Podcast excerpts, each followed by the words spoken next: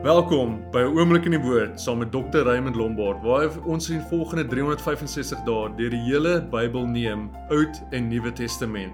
Gaan vandag na raymondlombard.com, kry jou Bybel leesprogram en volg saam deur 'n oomblik in die woord. Geniet dit. Genesis hoofstuk 48. Na hierdie dinge het hulle aan Josef meegedeel: "Kyk, U vader is siek. Toe neem hy sy twee seuns, Manasse en Efraim, met hom saam. En hulle het aan Jakob berig gebring en gesê: "Kyk, u seun Josef kom na u toe."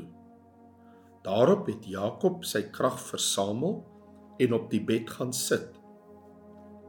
En Jakob het vir Josef gesê: "God die Almagtige het aan my verskyn by Lus in die land Kanaan en my geseën en vir my gesê kyk ek sal jou vrugbaar maak en jou vermeerder en jou tot 'n menigte van volke maak en ek sal aan jou nageslag na jou hierdie land as ewige besitting gee. Nou dan jou twee seuns wat vir jou in Egipte land gebore is voordat ek in Egipte na jou gekom het, is myne. Efraim en Manasse sal myne wees net soos Reuben en Simeon. Maar jou nakommelinge wat jy na hulle verwek het, sal joune wees. Hulle sal na die naam van hulle broers genoem word in die se erfdeel. En toe ek van Paddan gekom het, het Rachel by my gesterwe in die land Kanaan op die reis toe daar nog 'n kort en pad was om by Vrat te kom. En ek het haar daar begrawe langs die pad na Efrat, dit is Bethlehem. Toe Israel die seuns van Josef sien, sê hy: "Wie is dit?" En Josef antwoord sy vader: Dit is my seuns wat God my hier gegee het. En hy sê: Bring hulle tog by my dat ek hulle kan seën. Maar Israel se oë was swaar van ouderdom. Hy kon nie sien nie. En toe hy hulle by hom bring, het hy hulle gesoen en hulle omhels. En Israel sê vir Josef: Ek het geen gedagte gehad om jou aangesig te sien nie. En kyk, God het my ook jou nageslag laat sien. Daarop laat Josef hulle van sy knieë af weggaan en hy buig hom met sy aangesig na die aarde toe. En Josef neem hulle twee, Efraim met sy regterhand links van Israel en Manasse met sy regterhand regs van Israel en hy bring hulle by hom. Toe steek Israel sy regterhand uit en lê dit op die hoof van Efraim, hoewel hy die jongste was, en sy linkerhand op die hoof van Manasse. Hy het sy hande oor kruis gehou, want Manasse was die eersgeborene. En hy het Josef geseën en gesê: Die God voor wie se aangesig my vaders Abraham en Isak gewandel het, die God wat my as herder my lewe lank gelei het tot vandag toe. Die engel wat my uit elke teëspoed verlos het. Mag hy die seuns seën en mag deur hulle my naam genoem word en die naam van my vaders Abraham en Isak en mag hulle vermeerder in die land in menigte. Toe Josef sien dat sy vader sy regterhand op die hoof van Efraim gelê het, was dit verkeerd in sy oë en hy het die hand van sy vader gegryp om dit van die hoof van Efraim op die hoof van Manasse oor te bring. En Josef sê aan sy vader: "Nie so nie, my vader, want hierdie een is die eersgeborene. Lê u regterhand op sy hoof." Maar sy vader weier en sê: "Ek weet, my seun, ek weet. Hy sal ook 'n volk word." En hy sal ook groot word Nogtans sal sy jongste broer groter wees as hy en sy nageslag sal 'n menigte van nasies word. So het hy hulle dan die dag geseën en gesê: Met jou sal Israel 'n seën toewens met die woorde: Mag God jou maak soos Efraim en soos Manasse. So het hy dan Efraim voor Manasse gestel. Daarop sê Israel vir Josef: Kyk, ek gaan sterwe, maar God sal met julle wees en hy sal julle terug laat gaan na die land van julle vaders. En ek gee jou een stuk land bo jou broers wat ek met my swaard en my boog van die Amorite afgeneem het. Genesis hoofstuk 49. Daarna het Jakob sy seuns geroep en gesê: kom bymekaar dat ek julle kan verkondig wat julle aan die einde van die dae sal wedervaar. Versamel en hoor, seuns van Jakob, en luister na Israel, julle vader.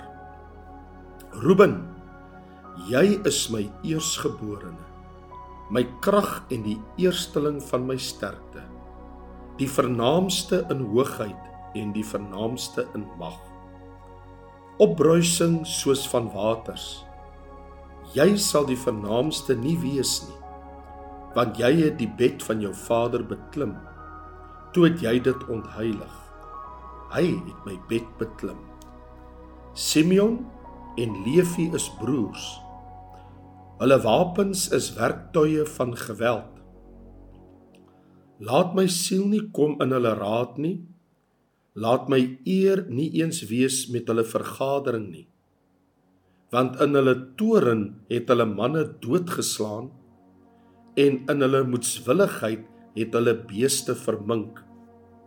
Vervloek is hulle toren want dit is heftig en hulle grimmigheid want dit is hard. Ek sal hulle verdeel in Jakob en hulle verstrooi in Israel Juda jy is dit Jou sal jou broers loof. Jou hand sal op die nek van jou vyande wees.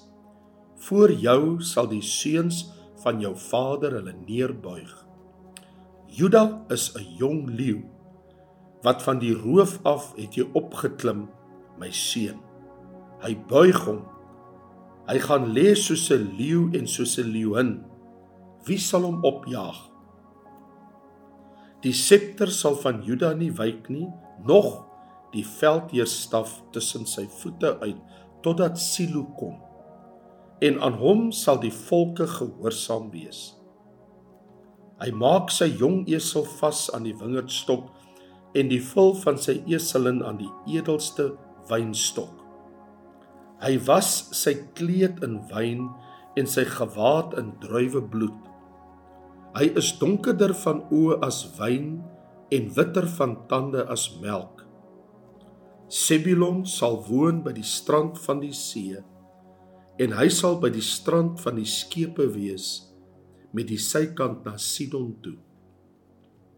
Isaskar is 'n sterk gebeende esel wat tussen die veekrale lê. Toe hy sien dat die rus goed en die land lieflik is, het hy sy skouer gebuig om te dra en hy moes dwangarbeid verrig. Dan sal aan sy volk reg verskaf net soos enige een van die stamme van Israel. Laat dan 'n slang wees op die weg, 'n horingslang op die pad wat die perd aan die hakskene byt sodat sy ruiter agteroor val. Op u verlossing wag ek, Here. Gat 'n bende sal hom aanval, maar hy sal hulle aan die hakskeen gryp. Aser sy spys is vet en hy lewer koninklike lekkernye. Naftali is soos 'n wildspok so vry. Hy wat mooi woorde laat hoor. Josef is 'n jong vrugteboom. 'n Jong vrugteboom by 'n fontein. Sy takke klim oor die muur. Die boogskutters het hom wel geprikkel en hom beskiet en hom bestry. maar sy boog het sterk gebly en die arms van sy hande was buigsaam deur die hande van die magtige van Jakob daarvandaan waar die herder die steen van Israel is van die God van jou vader wat jou help en met die hulp van die almagtige wat jou seën met seëninge van die hemel daarbo met seëninge van die watervloed wat daaronder lê met seëninge van borste en moederskoot. Die seëninge wat jou vader ontvang het, oortref die seëninge van die ewige berge, die kostelike gawes van die ewige heuwels. Dit sal wees op die hoof van Josef en op die hoofskedel van die uitverkorene onder sy broers.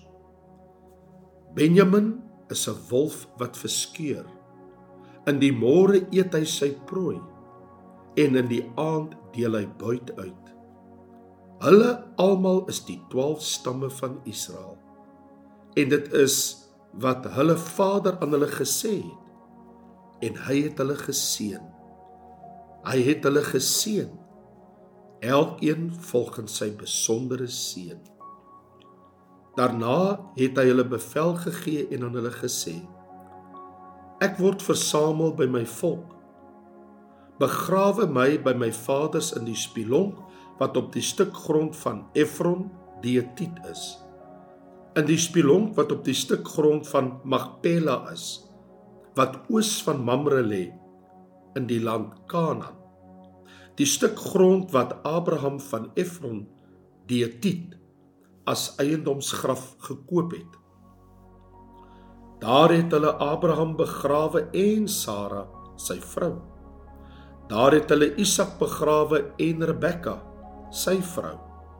En daar het ek Lia begrawe. Die stuk grond en die spilonk wat daarin is, wat gekoop is van die seuns van Het. Toe Jakob klaar sy bevele aan sy seuns gegee het, trek hy sy voete terug op die bed en blaas die asem uit en hy is by sy volksgenote versamel. Matteus hoofstuk 16 En die Fariseërs en Sadduseërs het nader gekom om hom te versoek en het hom gevra om hulle 'n teken uit die hemel te laat sien. Maar hy antwoord en sê vir hulle: In die aand sê julle mooi weer want die lug is rooi. En in die môre storm weer vandag, want die dag, die lug is donkerrooi. Gefeinstes. Julle weet wel om die voorkoms van die lug te onderskei. En kan julle nie die tekens van die tye onderskei nie? 'n Slegte en owerspelige geslag soek na 'n teken en geen teken sal aan hom gegee word nie behalwe die teken van Jona die profeet. En hy het hulle verlaat en weggegaan. En toe sy disippels na die oorkant gegaan het het hulle vergeet om brode saam te neem daarop sê Jesus vir hulle pas op en wees op julle hoede vir die suurdeeg van die fariseërs en sadduseërs En hulle het onder mekaar geredeneer en gesê dit is omdat ons geen brode saam geneem het nie. Maar Jesus het dit opgemerk en vir hulle gesê: "Wat redeneer julle onder mekaar, klein gelowiges, dat julle geen brode saam geneem het nie? Begryp julle nog nie? En onthou julle nie die 5 brode van die 5000 en hoeveel mandjies vol julle opgetel het nie?" of die sewe brode van die 4000 en hoeveel mandjies vol julle opgetel het nie? Hoe is dit dat julle nie begryp dat ek nie in verband met brood vir julle gesê het om op te pas vir die suurdeeg van die fariseërs en sadduseërs nie? Toe het hulle begryp dat hy nie gesê het dat hulle moes oppas vir die suurdeeg van die brood nie, maar vir die leer van die fariseërs en Sadduseërs. En toe Jesus in die streke van Caesarea Philippi kom, vra hy sy disippels en sê: "Wie sê die mense dat ek, die seun van die mens, is?" En hulle antwoord: "Sommige Johannes die Doper, en sommige Elia, en ander Jeremia of een van die profete." En hy sê vir hulle: "Maar julle, wie sê julle is ek?" En Simon Petrus antwoord en sê: "U is die Christus, die seun van die lewende God." Toe antwoord Jesus en sê vir hom: "Salig is jy, Simon Barjona, want vlees en bloed het dit nie aan jou geopenbaar nie, maar my Vader wat in die hemele is. En ek sê ook vir jou, jy is Petrus, en op hierdie rots sal ek my gemeente bou." en die poorte van die doderyk sal dit nie oorweldig nie. En ek sal jou die sleutels van die koninkryk van die hemele gee. En wat jy ook op die aarde mag bind, sal in die hemel gebonde wees. En wat jy ook op die aarde mag ontbind, sal in die hemel ontbonde wees. Daarop het hy sy disippels bevel gegee dat hulle vir niemand moes sê dat hy Jesus die Christus is nie. Van toe af het Jesus begin om sy disippels te toon dat hy na Jerusalem moes gaan en veel van die ouderlinge en owerpriesters en skrifgeleerdes moes lei en gedood en op die 3de dag opgewek word. Toe neem Petrus hom op sy en begin hom bestraf en sê: "Mag God dit verhoed, Here, dit sal u nooit oorkom nie." Maar hy het omgedraai en vir Petrus gesê: "Gaan weg agter my, Satan. Jy is vir my 'n struikelblok, omdat jy nie die dinge van God bedink nie, maar die dinge van die mense." Toe sê Jesus vir sy disippels: "As iemand agter my aan wil kom, moet hy homself verloën en sy kruis opneem en my volg."